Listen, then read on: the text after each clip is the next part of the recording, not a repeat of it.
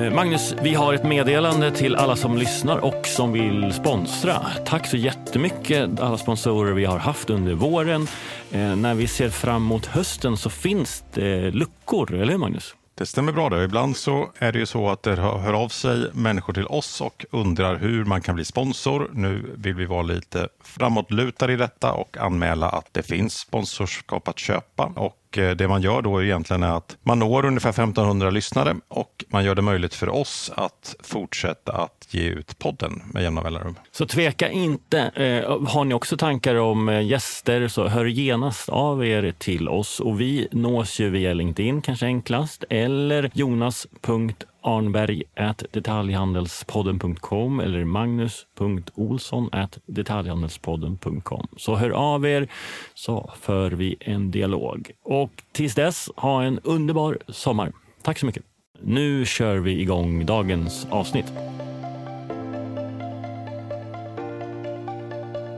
Hej och välkommen till ännu ett avsnitt av Detaljhandelspodden. Vi som pratar här. Jonas Arnberg. Och Magnus Olsson. Och vad vill man hellre ha eh, inför sommaren och Detaljhandelspoddens sista avsnitt för säsongen? Jo, en bokspecial. Och vi är så glada att vi har Maria Edsman som gäst som är vd på Bokusgruppen. Varmt välkommen hit. Tack så mycket. Berätta om dig och vad är Bokusgruppen? Jag börjar med mig då, och sen eh, Bokusgruppen. Ja, jag är då vd för Bokusgruppen, vilket jag har varit i ja, fem år nu. Eh, men jag har varit på företaget sedan 2014. Så det är väl eh, nio år, tror jag, om jag räknar rätt. Och eh, det är faktiskt rekord för mig. Jag har aldrig varit så länge på något företag. Men jag jobbade med handel även innan, så inte bokbranschen innan dess, men, men detaljhandel. Jag var vd för Polarn och Pyret och Brothers som ju båda ingick i koncernen R&B. Eh, och i övrigt har jag väl varit mestadels i konsumentvaror på ett eller annat sätt. Eh, marknadsföring, försäljning, sortiment. Ja, grymt. Och, och Bokusgruppen, det är liksom eh, börsnamnet på Akademibokhandeln och Bokus. Precis. Så om jag ska gå över till då, vad, vad, är, vad är Bokusgruppen så, så är eh, Bokusgruppen är Sveriges största bokhandelsaktör och då ingår, precis som du säger, Akademibokhandeln. Eh, och Bokus och Bokus Play. Eh, och Akademibokhandeln känner de flesta till, eller jag tror de flesta känner till oss generellt sett, men Akademibokhandeln är ju eh, mestadels då fysisk bokhandel, men även då kopplat med eh, nätbokhandel som vi syr ihop på, på vad vi själva tycker är ett bra sätt, men även kunderna gillar det. Eh, Medan Bokus är mer, det är verkligen fokus på e-handel på ett enkelt sätt. Brett sortiment, över 10 miljoner titlar, bekväm kundresa, eh, låga priser. Så lite mer brett, billigt och bekvämt kan jag säga. Och sen har vi då Bokus Play som är ju en abonnemangstjänst för ljud och e-böcker, framförallt ljudböcker. Det ska då konkurrera med alltså Storytel? Bok. Storytel, Bookbeat, Nextory och Booksplay är väl de aktörerna som finns på den svenska marknaden. Och vi omsätter eh, nästan 2 miljarder. Vi finns bara i Sverige. Eh, omsätter ungefär 2 miljarder. Eh, vi har dryga 400 anställda. Ja, det är väl korta fakta så, om Bokusgruppen. Vi är noterade kan jag säga också. Vi eh, är ett noterat bolag sedan eh, sen sommaren 21. Har du haft bättre, eh, eh, en bokdetaljhandlare värderas den högre än en kläddetaljhandlare? Nej, det, det, har jag ingen senaste data på faktiskt. Men jag tror att handel generellt sett värderas inte jättehögt just nu. Det står i tidningarna varje dag att det är tungt för detaljhandeln. Så jag tror att det är många som läser det. Maria, eh, ni hörde ju till den branschen som var först att digitaliseras med e-handel och nu så sker en ny form av digitalisering, till och med produkterna blir digitala. Mm. Hur, hur, står, eh, hur ser utvecklingen ut inom, inom Play-formaten? Alltså Playformaten har haft väldigt hög tillväxt i många år nu. Jag skulle säga mer än fem år. Eh, väldigt höga tillväxttal. Eh, de har ju då å andra sidan mattats av år för år. Det är fortfarande hög tillväxt. 2022 så eh, växte det med 7 procent. Men då kommer det från liksom tillväxtsiffror som var 30-40 procent per år. Så det börjar väl ska vi säga, bli en etablerad del av bokbranschen. Det som har varit positivt med det är att det framför allt är ljud som konsumeras i de här abonnemangstjänsterna. och det gör att det blir mer av ett komplement än ett substitut till att köpa och läsa en bok. Så det är många som, har, som använder, fortfarande köper böcker i, i pappersform. Och sen så har man ett abonnemang och så lyssnar man när man gör andra saker. Promenerar eller, eller eh, lagar mat eller städar eller vad man nu gör. Är det olika genrer eller mm. kategorier som lyssnas mer än man läser? Vad är det för skillnader? Liksom? Ja, men lyssningen är, är väldigt fokuserad till allra mest eh, spänning och deckare. Eh, men även, även skönlitteratur i vad ska jag säga, mer lättsmält form. Eh, det är lite svårt att hänga med när man lyssnar om det blir lite för komplicerade persongallerier och handling och parallella handlingar och sånt där. Det är inte lika enkelt att ta till sig via öronen. Och, och den som läser har också blivit en stjärna jämfört med om du förut liksom bara var författaren. Så det, nu kan jag ju söka på, i, boktjänsten mm. liksom på författare. Mm, ja, eller, eller, uppläsare. Ja. ja. precis. Och ibland är författaren detsamma som uppläsaren. Ja men det är inte allt. Ja, så, så, jag skulle säga att eh, det har ju hjälpt till att växa värdet på bokmarknaden. Den tillväxten som har funnits har kommit eh, mycket från de här abonnemangstjänsterna och de digitala formaten medan pappersboken har varit relativt stabil över åren i, i försäljning. Så det har inte kannibaliserat eh, som helhet i alla fall. Det kan hända att liksom, på vissa segment så har det tagit en del, men inte på, på totalen. Den, om man ska kalla det för forma, formatkonkurrensen eller ja, formatförskjutningen, är, har varit positiv för branschen som helhet. Ja, intressant. Vi hade ju en fråga som är, är det någon som läser nu för tiden? Uppenbarligen är det det. Mm, ja, och det där är ju svårt att få, alltså, vad är den exakta faktan på det? Tittar man på värdet på försäljningen eh, i, i bokbranschen så står ju abonnemangstjänsterna för Eh, jag tror det är 27 procent av värdet eller någonting. Så resten är ju pappersböcker. Eh, det finns ju vissa såna här undersökningar om eh, mediekonsumtion och så. Och då brukar det ligga, när man frågar vad konsumerar du till exempel i allt möjligt, tidningar och annat. Men om man frågar vad gäller böcker då, vad man läser en vanlig dag. Då är det ungefär 34 procent som säger att man läser en pappersbok och det är 12 procent som säger att man lyssnar på en ljudbok och 7 procent som säger att man läser en e-bok, alltså läser digitalt. Mm -hmm. Så det är fortfarande absolut dominerande att läsa pappersböcker. Det beror ju på vad man jämför med, men, men finns det några förändrade beteende? För, för något år sedan så hade väl pocket rätt hög tillväxttakt. Eh, ser man någon förskjutning mellan, mellan olika typer av pappersböcker? Alltså det beror på vilken tidsperiod man tittar på. Just nu så ser vi en väldigt positiv trend för pocket som vi tolkar eh, att det har att göra med eh, mindre pengar i plånboken egentligen hos våra kunder. Eh, så vi ser att de billiga formaten, både böcker och faktiskt i andra saker, vi, lite billigare spel säljer mer än dyrare spel. Så jag tror att kunderna väljer i högre grad eh, produkter som kostar lite mindre. Och det ser vi ju överlag i hela handeln. Men vad, vad eh, be, betyder det att, att ni också tar fram fler pocketböcker? Alltså, det är ju inte vi som egentligen tar fram, för att det är ju förlagen då som är våra leverantörer. Det är de som ger ut böcker och så. Sen kan vi bestämma vad vi, vad vi väljer att ta in i våra butiker. Och eh, där eh, har vi än så länge inte gjort så att vi tar i, Vi har ett väldigt brett pocketsortiment så vi känner egentligen inte att vi har behov av att bredda det ännu mer. Nej, men vad jag menar, för det, det är inte så att så här, logiken börjar ändras utifrån prisfokus. För, för nu är det väl så att först kommer liksom en, en H-perm-bok in och, och sen när den har legat några månader då kommer pocketversionen som är billigare. Och det är inte så att det kommer liksom en pocketbok direkt nu. Liksom. Nej, det gör det inte. Eh, och eh, det tror jag det det är en ganska stor förändring som jag inte tror att... Och det är förlagen som så att säga, beslutar om det. Jag tror inte att man är intresserad av att göra det nu. För att man vill gärna få ut så mycket som värde som möjligt av den heta nyheten när man kanske är beredd att betala lite mer. Då. Och så får man vänta lite om man vill vara kostnadsmedveten och köpa en pocket.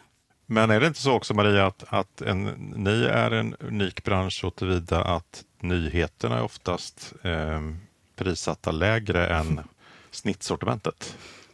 Ja, i viss mån skulle jag säga. Eh, inte alla nyheter. Och det här vet jag att jag reagerade på när jag kom in i, i branschen. Att det var Eh, och nu har vi den allra senaste, ja, Camilla Läckberg eller eller Guillou eller vad det nu är som, som eh, läsarna gått och väntat på. Då har vi kampanjpris på den på en gång. Mm. Um, och det där är väl fortfarande så att det har vi på kanske vissa eh, heta titlar, men inte alltid. Vi har väl försökt att bli mer selektiva på det ändå. Ehm, men, men kampanj behövs samtidigt för att driva intresse och driva trafik. Så att på, på vissa titlar så, så behövs det för att vi ska ha ett attraktivt erbjudande. Och sen har vi också för Akademibokhandeln så har vi ju Eh, vår kundklubb som heter Akademibokhandelns vänner där vi har över två miljoner medlemmar. Och vi har inget bonussystem eller så för våra medlemmar men däremot så ger vi ju det mesta av det som vi kampanjar och så ger vi ju just till våra vänner. Så vi måste ju fylla det med tillräckligt mycket attraktivt egentligen för att man ska fortsätta vilja vara med i vår kundklubb. Ser du några fler konjunktursignaler? Ehm, ja, men förutom det här som jag nämnde med att man kanske väljer lite billigare format så ser vi också en tendens till att kunderna i högre grad eh, agerar på kampanjer. Vi får, utan att vi driver mer kampanj så får vi ändå en högre kampanjandel för att kunderna söker sig till erbjudanden helt enkelt i högre grad. Jo, förlåt, vi hade Ica, en ICA Maxi-handlare här i podden förra veckan och han sa exakt samma sak. Liksom. Så det, det, det, ni är inte de enda. Nej. Nej, jag kan känna att jag agerar så själv dessutom, så att det, man känner igen det. Ehm, sen ser vi en viss tendens till färre artiklar per kvitto. Så lite sådär det där spontanköpet kanske inte riktigt kommer med. Och är, ser du någon skillnad i butik versus nät här? Ehm, ja, det där är mest kopplat till butik skulle jag säga. Eh, men vi, jag tror vi har en liten sån tendens på nätet också. Jag är inte helt säker faktiskt. Vi ser något förvånande också att det går bättre för oss i butik, eller, i butik eller i, eh, vi går bättre för oss på Akademibokhandeln än vad det gör för Bokus. Och Bokus är den billiga kanalen och Akademibokhandeln, jag skulle inte säga att det är den dyra kanalen, men inte lika billigt som Bokus. Och jag tänkte när vi gick in i, i den här eh, ekonomin så tänkte jag att nu kommer ju kunderna verkligen söka sig till den billiga kanalen. Men det är tvärtom beteende just nu. Man gillar butik men då ändå på kampanj i butik. Ja, precis. Jag tror att många kunder också har längtat tillbaka till butik efter, efter pandemin. Så även om det har gått ett tag sen nu så tror jag fortfarande i alla fall våra kunder verkar uppskatta att ha möjligheten att gå och strosa runt i butik och inspireras. Och... Kan du säga någonting om, om trafiken till butik, eh, hur den har utvecklats? Trafiken till butik eh, generellt sett har utvecklats positivt. Vi har nått någon månads undantag, men generellt sett så har det varit eh, en positiv trend. Sen en annan sak vi ser, vi är ju ganska stora vad gäller eh, studenter och kurslitteratur på på Bokus. Och där ser vi att studenter håller hårdare i plånboken och det är kanske inte så konstigt, där är marginalerna mindre. Så eh, just kurslitteratur har vi haft en, eh, en minskad försäljning utav. Så det är väl lite saker som vi ser just som vi kopplar till eh, konjunkturer.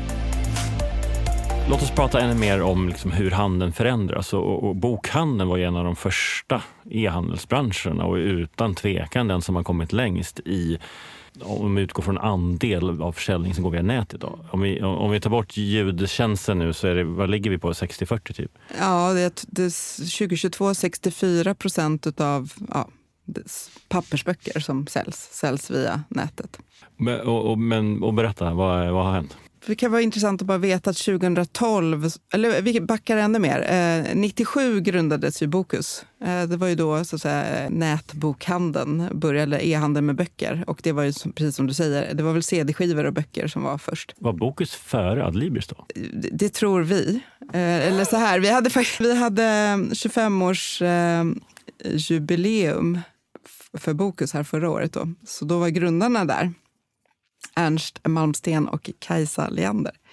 Och eh, då frågade jag dem, eh, var, var ni före eller hur var det? Så, ah, jo, men vi, vi var före Adlibris, men de kom inte särskilt långt efter. Då. Men, men de hävdar i alla fall att de var först. Men oavsett, då, så 97 det var väldigt tidigt för e-handel. Eh, och då, då tog man ju mycket marknadsandel just med att man kunde erbjuda så brett sortiment och man hade låga priser och det var enkelt att skicka boken i brevlådan och sådär. Ehm, så att det ledde till att man tog mycket andel ifrån, från bokhandeln. Och 2012 så gick då nätbokhandeln om den fysiska bokhandeln i andel av försäljningen. Så det är ju väldigt, väldigt länge sedan helt enkelt. Och det har inte hänt i någon... Har Nej. elektronik över 50? Nej, jag tror faktiskt nej. inte. Jag tror det är 47 eller ja, någonting precis. sånt där. Så, att, så trots att det har hänt så mycket, jag tittade på den här e-barometern, kurvan där om vad som har hänt sedan 2012, det är ju enormt i e-handeln i stort. Och ändå är det ingen annan, eh, inget annat segment, vad jag vet i alla fall, där e-handeln är största kanal.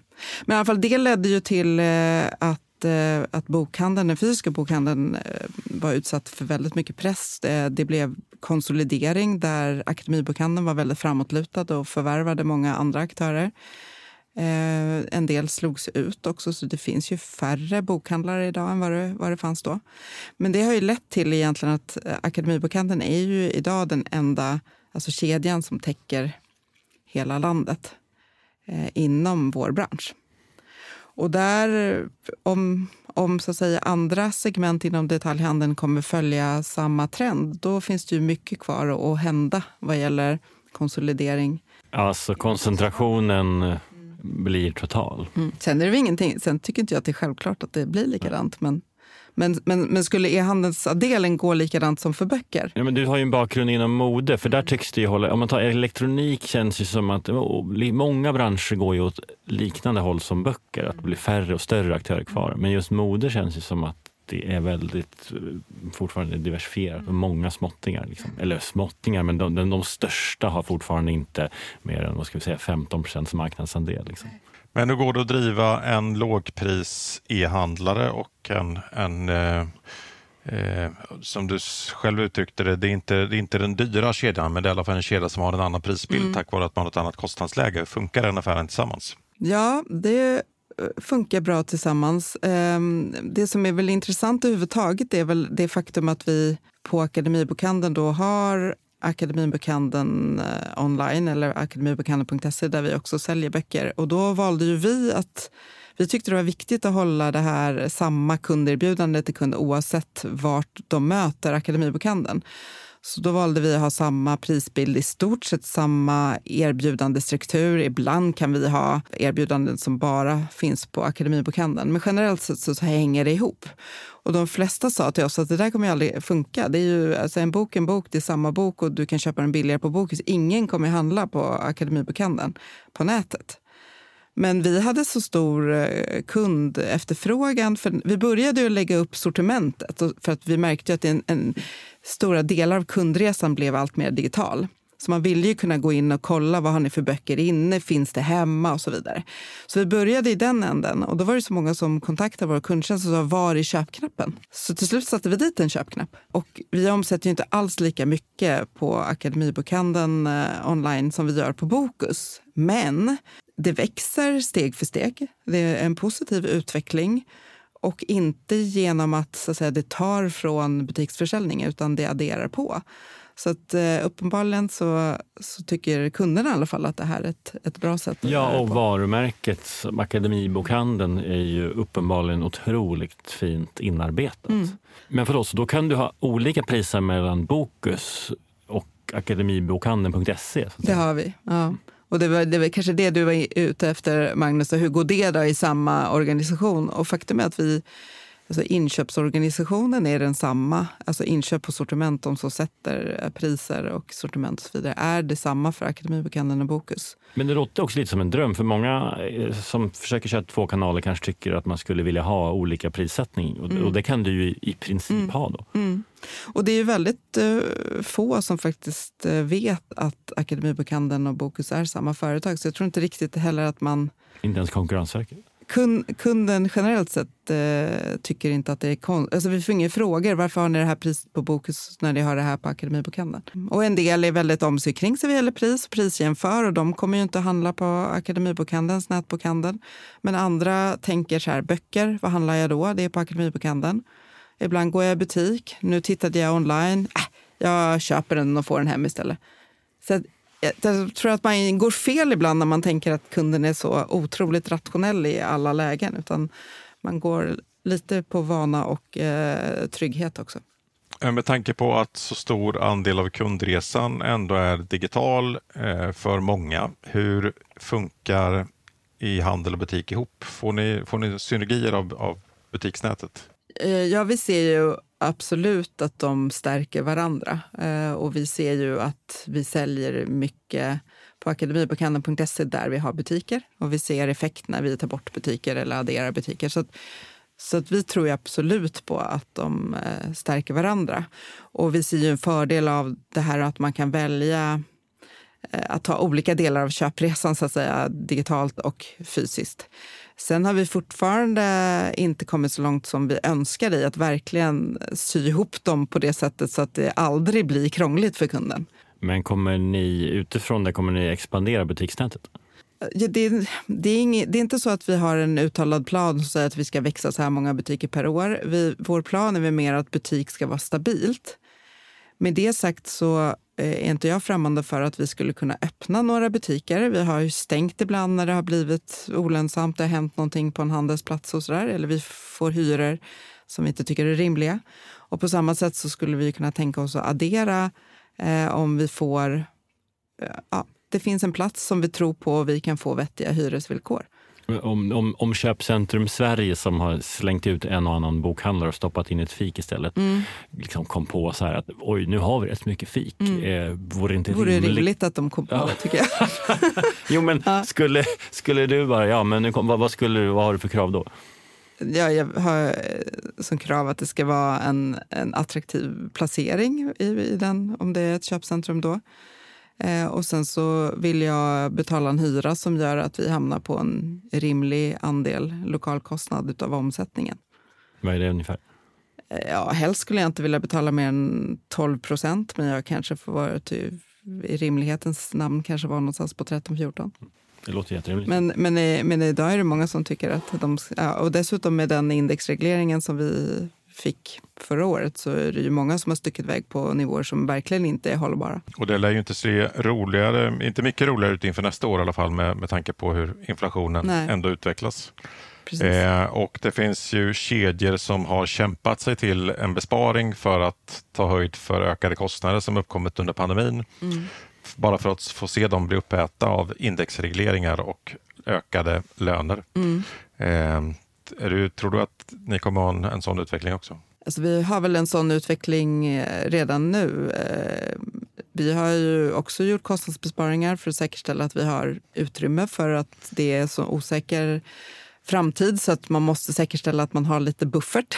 Och eh, vi har ju fått hyreshöjningar och vi, vi har ju också fått eh, lönekostnadshöjningar. Så, så att vi, vi eh, tycker att vi är på en bra, plats nu med, men med liksom, skulle det vara en fortsatt ökning på samma sätt på nästa år då måste vi ju eh, hitta andra sätt att, att parera för det helt enkelt. Om vi strukturerar upp nu hur din affär ser ut så har du då Akademibokhandeln som är eh, liksom den fysiska bokhandeln och sen har du Bokus och akademibokhandeln.se mm. och så har ni Playtjänsterna. Hur fördelar de sig ungefär och vad gör du för prognos på respektive kanal? Liksom? Butik är fortfarande störst. Alltså om, vi tittar, om vi bara delar upp det butik jämfört med e-handel så är det ungefär 55 procent av omsättningen som är butik och 45 som är e-handel. Och tittar vi intjäningsmässigt så är det ännu större del som ligger på butik. Så vi, vi har ju en bättre intjäning från butik än vad vi har för e-handeln. För att priset på böckerna är högre i butik? Ja, flera olika aspekter på det. Eh, vi har ju för andra kostnader för att driva trafik på e-handeln. Vi behöver ju också lägga till en logistikkostnad på e-handeln som vi inte har. Så att, ja, det finns flera saker i att det är en annan affärsmodell som gör att vår intjäning är lägre. Vi är dock lönsamma på e-handeln också, vilket ju inte alla är. Men det är inte lika lönsamt som butiksaffären. Ehm, och tittar man då inom e-handelssidan så är ju det absolut stora där i Bokus. Alltså, Akademibokhandelns e-handel är ganska liten fortfarande. Och så tittar man istället då, om vi pratar e-handelsandel inom Akademibokhandeln, då ligger den bara på ungefär 7 procent. Så det är ju en liten del av Akademibokhandeln. Men växande. Och Bokus Play är vi eh, en, en liten aktör. Så, det, så det är en, en, en liten del av vår verksamhet. Så där är vi mer en man kan säga att vi är en utmanare i det segmentet. Samtidigt så väljer vi inte att gå head to head med de här stora aktörerna. Eh, utan vi rekryterar mest i våra egna kanaler, i våra egna kundbaser och har en väldigt kostnadseffektiv rekrytering på så sätt. Och erbjuder ett, en möjlighet för våra kunder som många är vad vi kallar för multikunder. Man både läs, köper och läser böcker och sen så vill man lyssna. Så kan vi paketera bra erbjudanden till dem med med Bokusplay. I samspelet mellan butik och eh, online, är det eh, skillnader? Om vi hade haft Lyko här hade de kanske sagt att i butiken så trycker vi ut våra egna varumärken och vi har en viss typ av kampanjer som för, för beteendet är ett annorlunda i butiken. Och, ja, jobbar du likadant? Ni har ju liksom inga egna varumärken så, eller hur? Inte på böcker har vi inte det. Vi kan ha ibland kan vi ha gjort någonting, ett samarbete med ett förlag som bara finns hos oss. Eh, eller att det finns hos oss bara under en begränsad period eller så. Men, men sen där vi har egna märkesvaror är egentligen på det andra vi säljer. Så det har jag inte varit inne på alls, vi bara pratar böcker nu. Men på Akademibokhandeln så är ju drygt eh, 35 procent av omsättningen är ju andra varor som vi har eh, som vi kallar för skriva, spela, skapa. Så det är ju så att säga, vad man brukar kalla för pappersvaror, alltså block och kalendrar och, och pennor. Säljer man kalendrar fortfarande? Ja, det är helt otroligt, men det gör vi ganska ja. många faktiskt. Det låter sjukt 1900-tal. Men du, det finns ju en annan kanal också som vi inte har varit inne på. Det är, jag vet inte om du har talat om dem, men de heter Amazon och, och kommer från, från USA. Jaha. Hur, eh, hur ser du på dem? Amazon är ju en, en bjässe inom eh, böcker och bjässe inom eh, nätbokhandel. Och de var ju de var ju före Bokus, apropå det. Eh, och Bokus kom nog till mycket för att, för att grundarna hade sett eh, vad Amazon gjorde. Så att Amazon har väl varit någonting som bokbranschen alltid haft väldigt stor respekt för och kanske varit lite eh, rädda för också. Och jag nämnde att jag har varit nio år i branschen och en, hela tiden jag varit så pratar man om när kommer Amazon till Sverige, när kommer Amazon till Sverige. Så det fanns alltid med i, liksom, på hotsidan i SWOT-analysen. Eh, och de, de fanns ju redan på den tiden. Vi uppskattade att de kanske hade 4 av marknaden eller så för att eh, kunderna köpte från deras internationella sajter. Och sen då när det blev klart att det faktiskt skulle bli en svensk Amazon så hade vi ju väldigt respekt för det och förberedde oss väldigt noga för det. Um, och det var väl kanske bra för oss. Vi fick lite eld i baken på ett antal utvecklingsområden. Uh, sen har vi inte märkt så mycket av den konkurrensen som vi, som vi trodde från början. De där procenten är typ kvar, men det kanske är att man fortfarande säljer engelska titlar och så då menar du? De, köper, alltså de säljer säkert en del svenskt också, men det är inte så att vi märker att vi har fått en stor ny konkurrent. Och min tolkning av det är att de satsar på andra kategorier eh, än böcker. Eh, men jag vet inte och jag, man ska aldrig underskatta en sån typ av konkurrent. Så, att, så att jag pratar bara om vad som har hänt hittills. Eh, och vi håller ögonen på dem. Men just nu så är ju Adlibris den stora konkurrenten till oss och inte Amazon. Maria, ni har ju gått igenom en utveckling på många sätt och jag vet också att ni tog en del andelar i det som BR lämnade efter sig eh, när de gick i konkurs för är det fyra år sedan nu. Eh, och eh, däribland spel mm. eh, och väldigt eh, stora delar av sortimentet är ju ändå eh, annat än, än böcker. Är, är bokhandeln på väg att utvecklas till en presentbutik? För att mycket av det som det köpbeteende som, som jag misstänker finns är ju occasion av något sätt, en, en händelse som man agerar på. Till att börja med, om jag ska svara på om vi är en presentbutik så håller jag inte med om det. Eh, däremot så är de som vill köpa en present... Välkomna. Nej, inte, inte bara så. Men vi har ju identifierat att det är en viktig så att säga, occasion eller en viktig eh, kund med ett behov. Och då går man hellre till till en fysisk bokhandel än att köpa på nätet. Så absolut så vill vi gärna kunna komma med presenttips både vad gäller böcker och, och annat som vi har i butikerna. Och då har vi också säkerställt att då får man ett fint inslaget paket och så. Så vi, ja, vi har förståelse för så att säga, det behovet, present. Men det gör inte att jag tycker att hela vår butik är en presentbutik. Jag tror att vi fortfarande ses som, som, en, som en bokhandel och som sagt var så är ju ja, ungefär 70 procent eller lite mindre än 70 procent är fortfarande av omsättningen böcker och ungefär fördelningen av ytan i butikerna också. Vi har ju faktiskt, tycker jag, ett väldigt brett boksortiment också. Ehm, så att vi, de flesta böcker som en kund letar efter i våra butiker hittar man ju. Så, det, så det är inte bara enskilda så att säga, presentböcker eller så. Ehm, däremot så det, tycker vi att det, är, att det blir attraktivt att, så att säga, kombinera böckerna med lite andra varor. Alltså det blir en mer spännande butik. Men om vi är lite taskiga så, så, så kan det ju riskera att den som vill liksom leta böcker eh, hamnar i en spelhörna istället. Och det kanske driver försäljning med att så här, eh, och, och, om jag på allvar är ute efter något speciellt då är det naturligt att gå in på nätet istället. Med, för där har jag rationell och söker efter någonting medan jag i butik är mer öppen för att inspireras mm. kanske. Och, så Och då är det väl ändå lite tråkigt att det mest är topplista där. Fast är det det? Är det mesta topplista i butiken?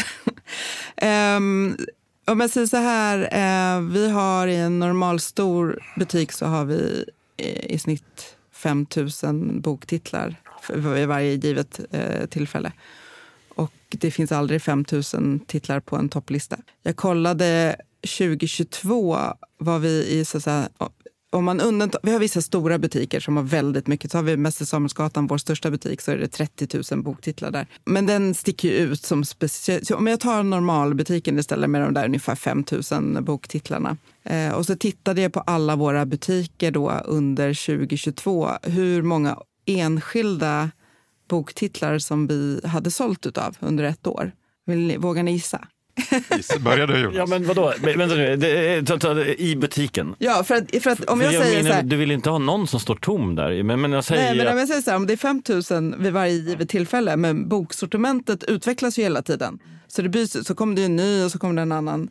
Så att jag, jag, och dessutom är inte de böckerna, det är inte exakt samma böcker som är i varje butik utan det varierar Nej. lite grann. Ja, men då, jag tror ju att du har några riktiga hyllvärmare så det är bara det är tusen som står stilla. Liksom.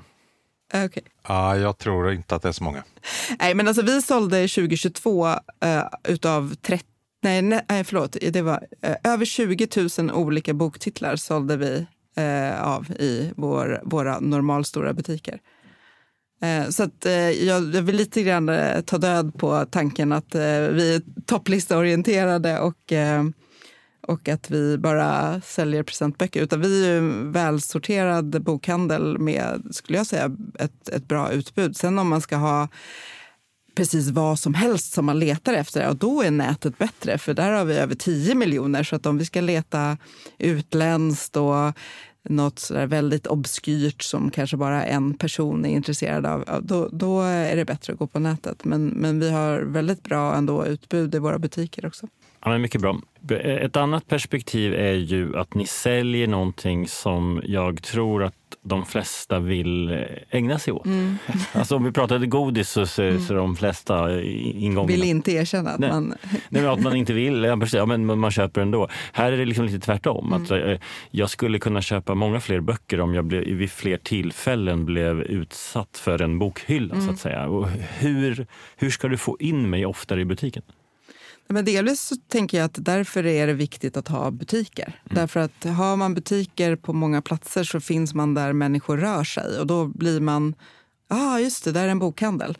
Och då kanske man går in. Medan för att sälja på nätet måste vi mer dra, alltså då måste du ha ett intresse till att börja med. Det är svårt att bara locka en ointresserad kund in och handla på nätet.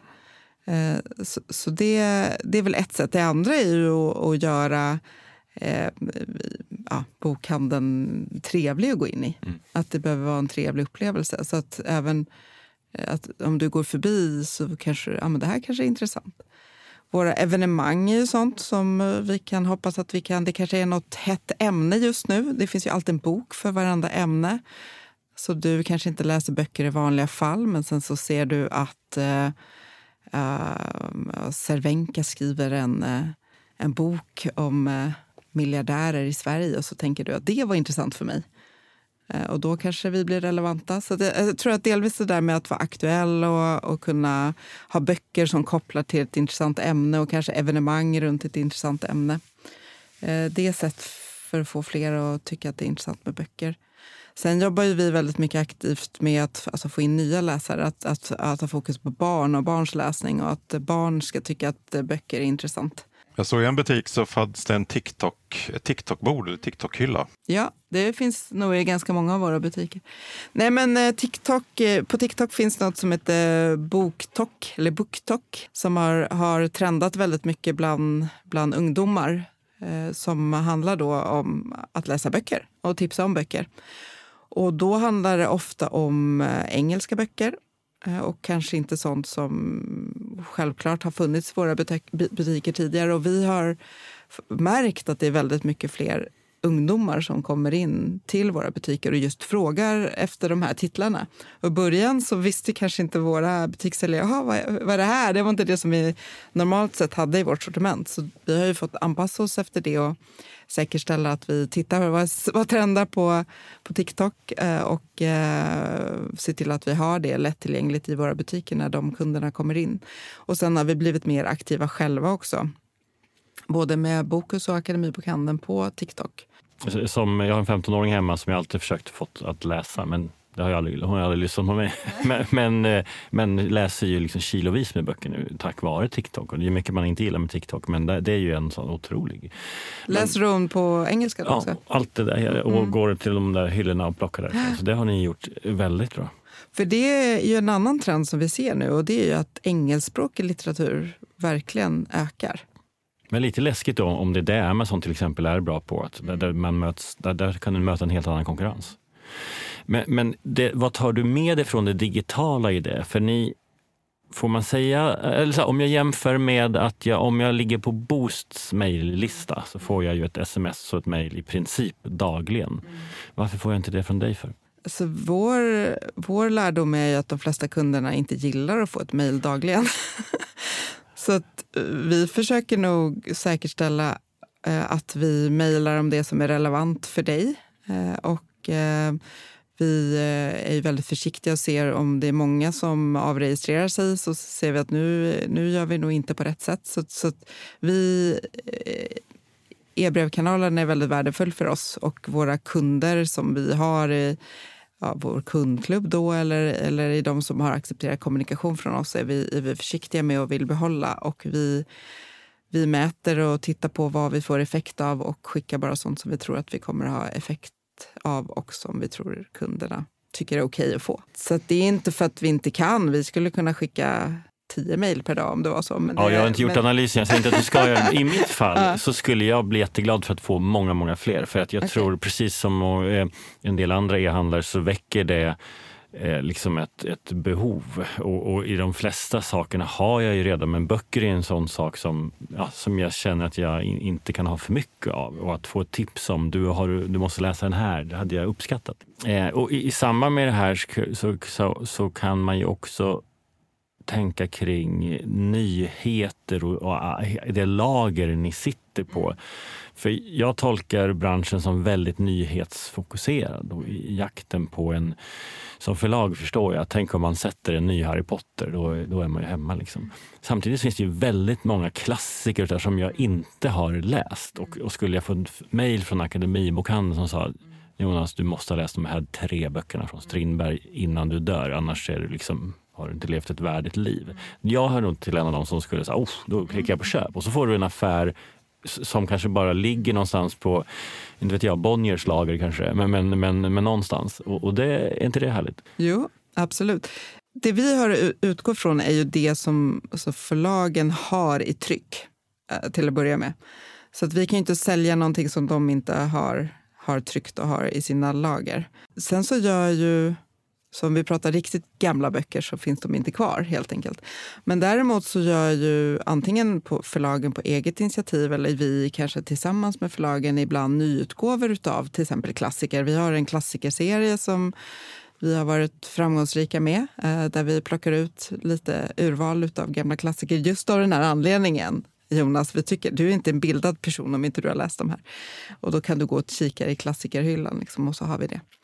Så att, eh, ja, du har rätt i att det är väldigt nyhetsfokuserat. Eh, och det är ju för att det är ju det förlagen lever på, att komma ut med nyheter. och De är nyförfattare och nu vill de sälja det. Och det är ju vi en återförsäljare för. Eh, men vi försöker också lyfta annat. Och i pocket finns ju ofta en större bredd av lite äldre böcker. Så är det böcker som funkar bra under en längre tid så finns de ofta kvar i pocketformatet längre.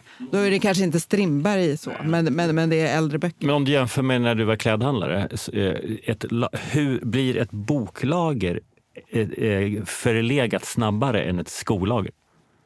Nej, alltså nu har jag aldrig sålt just skor, men alltså kläder är ju mycket mer nyhets... Alltså där är ju, med, kläder med modegrad är ju, det är ju en säsong och sen måste man ju rea ut det. Eh, så skulle jag inte säga att det är alltså generellt sett med alla böcker. Men däremot så är en, en nyhet som man lanserar i en inbunden bok som är lite dyrare, den har inte jättelång livslängd. Eh, och en sån kanske kommer sen liksom på bokrean istället om man vill sälja fler av den. Eller så kommer den i pocket till, en, till ett lägre pris. Maria, eh, vad har du för, på din agenda för prioriteringar för det kommande året. Vi har pratat om att handeln är utmanad. Vi har fortsatt inflation. Vi har fattigare konsumenter. Vi har risk för ökade hyror. Vad, vad står på din lista?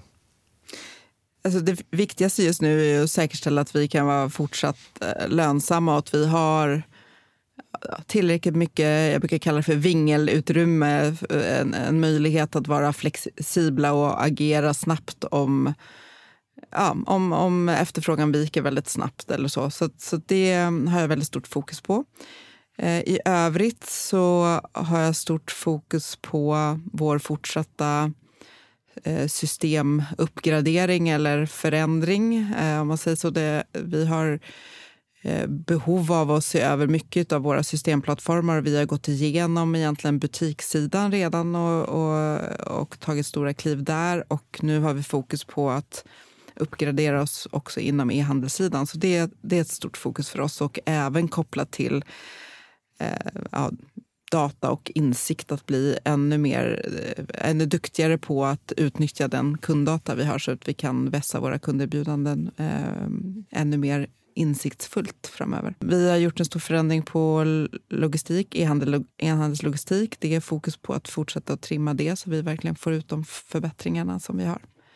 Och eh, sen har vi också stort fokus på hållbarhetsfrågan. Och det är många som säger att nu får det stå undan här nu för att kunderna väljer inte längre de hållbara alternativen utan bara det billiga. Och så. Men vi tror väl att här måste man ha långsiktighet och fortsätta och, jobba med det här stora området. Så det vad, vad är det för er? På. Är det liksom i, i pappret eller är det i logistiken? Eller vart finns... Alltså, hållbarheten är ju i olika delar. En stor hållbarhetsdel för oss är just att arbeta läsfrämjande. För det är ju en, en viktig samhällsfråga där vi känner att vi har en unik möjlighet att faktiskt göra skillnad. Så, så, det jobbar vi med. Och sen det mer klassiska man tänker med hållbarhet som miljö och produktsäkerhet och säkra arbetsförhållanden och så. Det, det jobbar vi också med. Och Eh, där är ju en stor del av, vi, av vad vi har är ju de varorna vi köper in från våra leverantörer, alltså förlagen och andra, andra leverantörer till oss. Så där är ju blivit mycket arbete tillsammans med dem helt enkelt. Om du tittar framåt då, nu går, vi har ju gått igenom eh, stökiga fem år och har säkert väldigt spännande fem år till framför oss. Vad, vad tror du om läget i handeln om fem år och, och, och, hur har ni anpassat er till den verkligheten? Jag, jag vågar nästan säga, du vet, titta fem år fram. Jag tror, hade du frågat mig om fem år hade jag inte haft en aning om allting Nej, som har hänt. Det är skönt att du kan säga precis vad som Nej, men så här jag är väl en av dem som tror att, att fysisk handel finns kvar. Eh, jag var väl en av dem under pandemin som, när en del sa att nu har alla lärt sig att e-handla och nu kommer ingen vilja gå i fysisk butik längre. Jag, jag hör inte till gruppen som tror på det, utan jag tror att det kommer finnas eh, fysisk handel kvar. Sån fysisk handel som lyckas skapa ett relevant kunderbjudande jämfört med nätet. Um, så att det inte vad som helst. Om det inte adderar någonting att gå i en butik så tror jag inte kunder kommer göra det. Så det leder väl nog ändå till att vi kommer se färre butiker på totalen. Och det, den svåra frågan med, i det är ju vad det gör med handelsplatserna. Kan det vara lika många och kan de liksom vara attraktiva i sig om det, om det blir för många eh, tomma butikslokaler? Och där hoppas jag att hyresvärdar vid något tillfälle inser att att man kanske inte kan ta ut de hyresnivåer som, som, som man har just nu. För då kommer det vara tomma butiker och då blir det inte attraktivt för kunderna att gå dit och så vidare. Så det där är väl en viktig fråga som är lite svår att, att säga om. Jag tror att vi kommer fortsätta att få också ännu bättre e-handel. Vi kommer få fler digitala hjälpmedel i köpresan. Alltså även om man är en, en fysisk handel så där tror jag det kommer komma ännu mer så säga, hjälp som man, för kunden. Och, och för övrigt för, för, för säljare i butik som vi måste hänga med och, och vara bra på. Eh, sen pratas det ju allt, man kan väl inte göra en sån här utan att prata om AI. Jag tänker att tar vi ett femårsperspektiv har det säkert hänt jättemycket där. Jag hoppas att det gör att vi kan ha rationaliserat bort en del saker så att vi kan vara mer effektiva, mer kostnadseffektiva. Ehm, men det finns säkert andra effekter också av det som jag inte riktigt kan överblicka. Men någonstans i slutändan, vad gör vi i det? Så jag tror att oavsett vad som händer så är det ett starkt varumärke, en stark kundrelation och ett relevant kunderbjudande som är avgörande för om man lyckas eller inte. Och det har alltid varit så och det kommer fortsätta vara så. Så vi, kom, vi behöver ligga väldigt nära kunden helt enkelt för att förstå vad som efterfrågas och kunna leverera det bästa kunderbjudandet. Så det, det fortsätter vi fokusera på. Det låter som en ljus framtid. Vi går in i sommar nu och vill ju önska alla en trevlig sommar. Vilken bok kommer säljas mest i sommar? Oj, eh, det har jag ingen aning om vad jag får säga faktiskt. Men eh, det kommer säkert vara väldigt mycket olika böcker. Det är säkert någon eh, spänningsroman tror jag som kommer sälja mest. Men jag vet inte exakt vilken. Strålande. Stort tack Maria Edsman, VD för Bokusgruppen, för att du kom hit och pratade med oss idag. Tack så mycket.